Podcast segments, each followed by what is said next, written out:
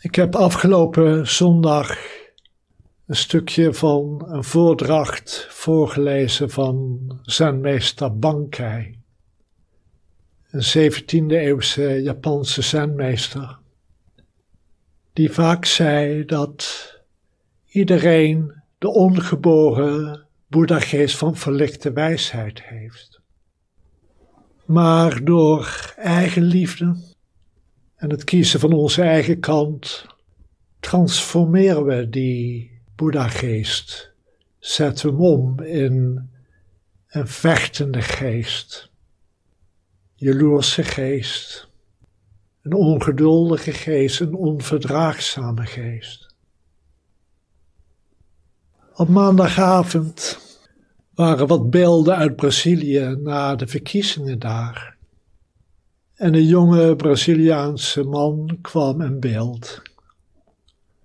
Hij leek me zo midden twintig. En hij was duidelijk een aanhanger van Bolsonaro en hij vond dat Bolsonaro verloren had door fraude. Hij wist het zeker. En hij vond dat het leger maar moest ingrijpen. Het was een mooie demonstratie van de gevolgen van de eigen kant te kiezen. En daarmee de verdraagzaamheid en het respect te verliezen voor diegenen die andersdenkend zijn, die anders over de dingen denken als wij zelf. In een zekere zin is deze jonge man wel te begrijpen, net zoals heel veel mensen die nogal extreem zijn in hun denken tegenwoordig. Die de ander niet meer kunnen waarderen, maar zien als een existentiële bedreiging. Je ziet het in Amerika, je ziet het in een hele hoop andere landen. Die polarisatie. En dat is voor een belangrijk deel terug te leiden naar het feit dat we in een onzekere wereld leven. De uitdagingen zijn groot, economisch, maar ook wat klimaat betreft, de energie, vrede, noem maar op. In Nederland is het de woningmarkt, de stikstofproblematiek die dingen stillegt.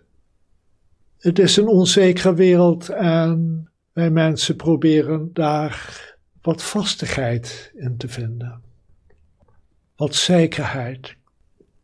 Dus grijpen we vaak terug naar een overtuiging, naar misschien een leider of een partij die beweert voor ons op te komen.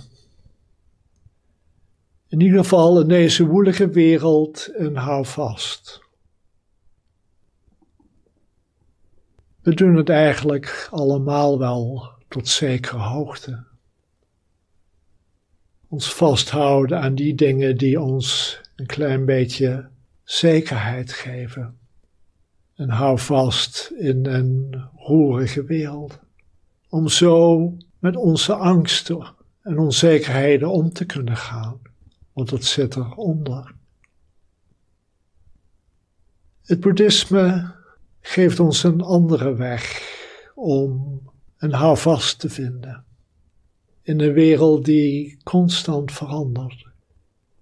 En dat is door de angst in te stappen en daarin te verzachten, te ontspannen, het volledig te accepteren voor wat het is, onszelf volledig te accepteren voor hoe we zijn. Wanneer we stil worden in onze eigen onzekerheden en angsten. Wanneer we ons durven te openen daarna, vinden we werkelijk een toevlucht. Vinden we iets dat onberoerd blijft in deze roerige wereld, hoe de omstandigheden ook zijn. We vinden vastigheid onder onze voeten, figuurlijk gesproken. Maar zoals altijd in het Zen-boeddhisme, hier is een paradox gaande. Want om die zekerheid te vinden, die vaste grond onder de voeten, zullen we moeten loslaten. Zullen we ons als het ware volledig moeten overgeven aan wat er nu is in onze geest, in ons lichaam. Aan de onzekerheden die er zijn in onszelf, aan de angst in onszelf. En in het hart daarvan stil te zitten, zo stil mogelijk, zodat we het niet meer koppelen, onze angsten, aan een verhaal, een overtuiging, aan een ander iets of een ander iemand. En dan dalen we erin af en gaan we daar doorheen. En opeens is daar de zekerheid, de zekerheid in een onzekere wereld.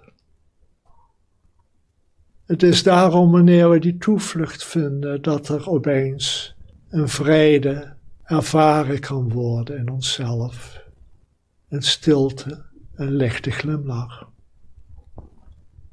En dan is precies waar Bankei over spreekt, waar. Het is de ongeboren Boeddha-geest van verlichte wijsheid die we vinden. Die er altijd was, maar die we steeds weer omzetten in een angstige geest, een onverdraagzame geest, noem maar op.